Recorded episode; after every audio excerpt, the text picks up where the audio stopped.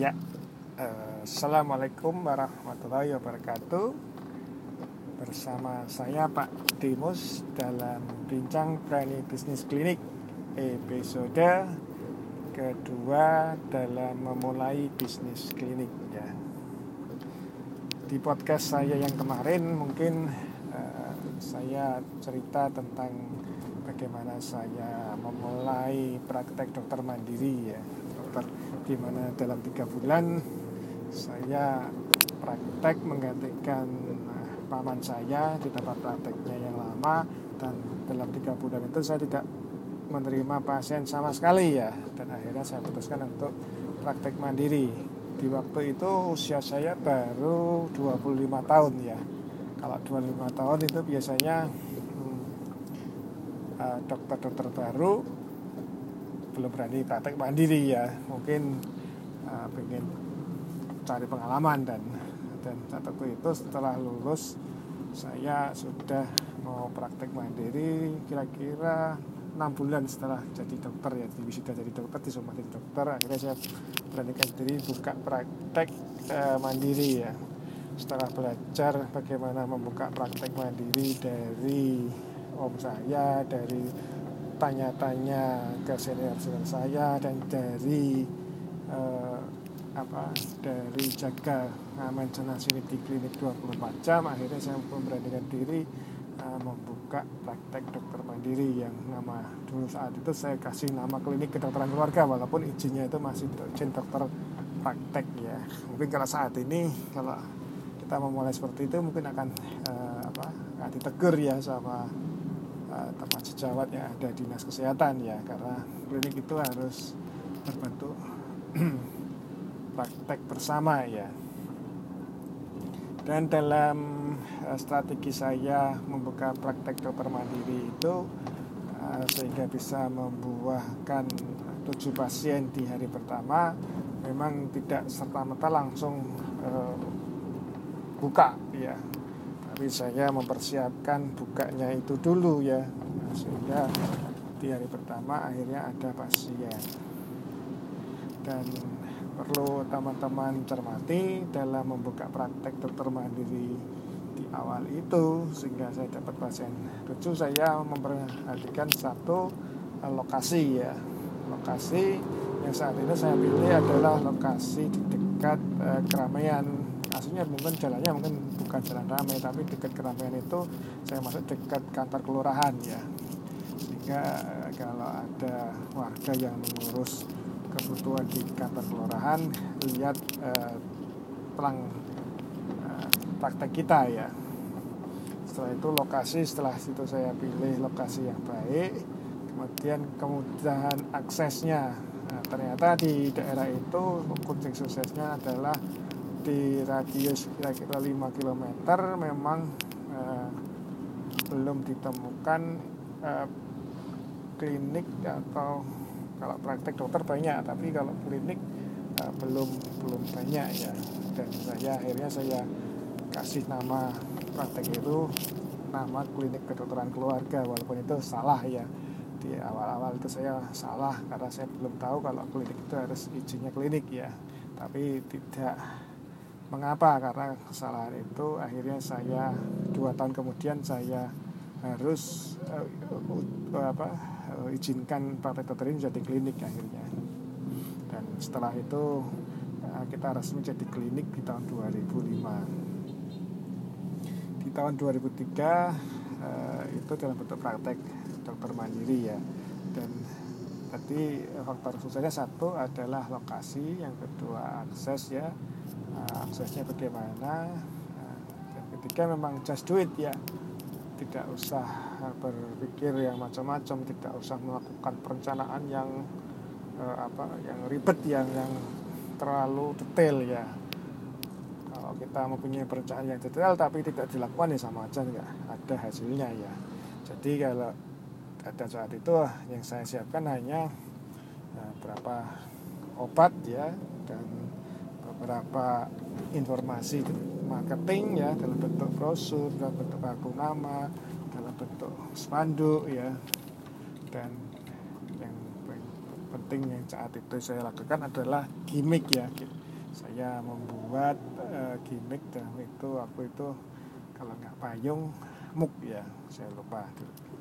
Akhirnya dengan uh, membuat itu ya alhamdulillah di hari pertama sudah mendapatkan tujuh pasien. Dan hari kedua naik lagi jadi 9 pasien dan seterusnya. Dan akhirnya di bulan pertama saya sudah membukukan uh, kira-kira hampir 120 pasien yang berkunjung ya. Saya mulainya tanggal 11 di akhir bulan saya mendapatkan kira-kira segitulah 120 pasien kira seperti itu ya.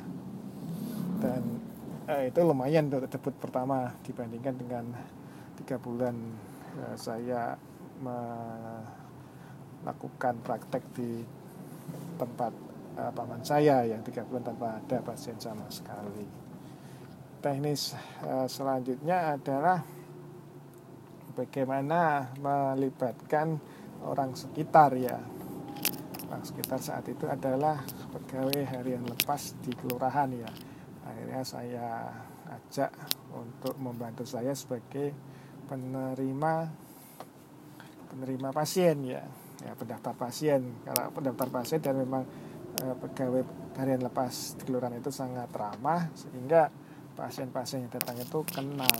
Akhirnya ya dengan kenal itu mereka datang e, kenal usah mengenalnya dan akhirnya dia cerita ke tetangga-tetangganya. Dan akhirnya memang dari e, cerita dari tetangga-tetangganya itu pasien saya semakin hari semakin bertambah ya dan puncaknya itu eh, di 2005 saya bisa membukukan eh, pasien lebih dari 1000 per bulan ya. Dan rekornya mungkin kira angka-angka 1800 lah per bulan pasien dokter umum itu. Dan akhirnya eh, saya putuskan eh, bagaimana melayani pasien-pasien itu dengan sistem. Kalau teman-teman pernah membaca bukunya Robert Kiyosaki cash flow kuadran ya. Ya kalau kita mendapatkan penghasilan dari empat kuadran di mana ada uh, employee terus di sebelahnya ada business owner di bawahnya ada investor yang di bawahnya employee ada profesional ya profesi ya. Dan saat itu saya ada di kuadran kiri di profesi. Nah, saya harus meluangkan waktu saya untuk praktek berjam-jam untuk melayani pasien ya. akhirnya karena melayani pasien mungkin ya ini juga kendala dari teman-teman sekalian ya kalau praktek akhirnya pasiennya rame akhirnya waktu kita terpaku untuk terus praktek melayani pasien dan akhirnya ya waktu-waktu komitmen kita untuk ke pasien ya. Akhirnya saya putuskan untuk membangun sistem dan akhirnya di tahun 2005 saya putuskan membuat suatu sistem namanya klinik sehingga yang jaga di klinik kedokteran keluarga itu ada ditambah dari hari yang biasanya saya jaga uh, di sore hari saya sendiri saya ada yang bantu sekarang. Membantu dokter teman saya dan pagi juga saya tambahkan teman-teman saya. Akhirnya mau membantu di pagi hari. Dan alhamdulillah perkembangannya eh, baik ya saat itu ya. Dan akhirnya saya beranikan buka cabang beberapa cabang di kota Semarang ya. Dan ini teman-teman eh, kesalahan saya yang pertama adalah terlalu cepat membuka cabang ya karena praktek mandiri dan bisnis usaha klinik ini adalah hal yang berbeda. Kalau mungkin praktek sendiri semua adalah one man show. Kalau kita dapat uang kita pakai sendiri ya. Kalau klinik sekarang sudah nggak bisa one man show. Kita harus mempunyai sistem dan memperlakukan sistem ini dengan beberapa uh, tim ya, dengan tenaga kerja lain ya, sehingga uh, koordinasi satu sama lain memang harus diupayakan baik.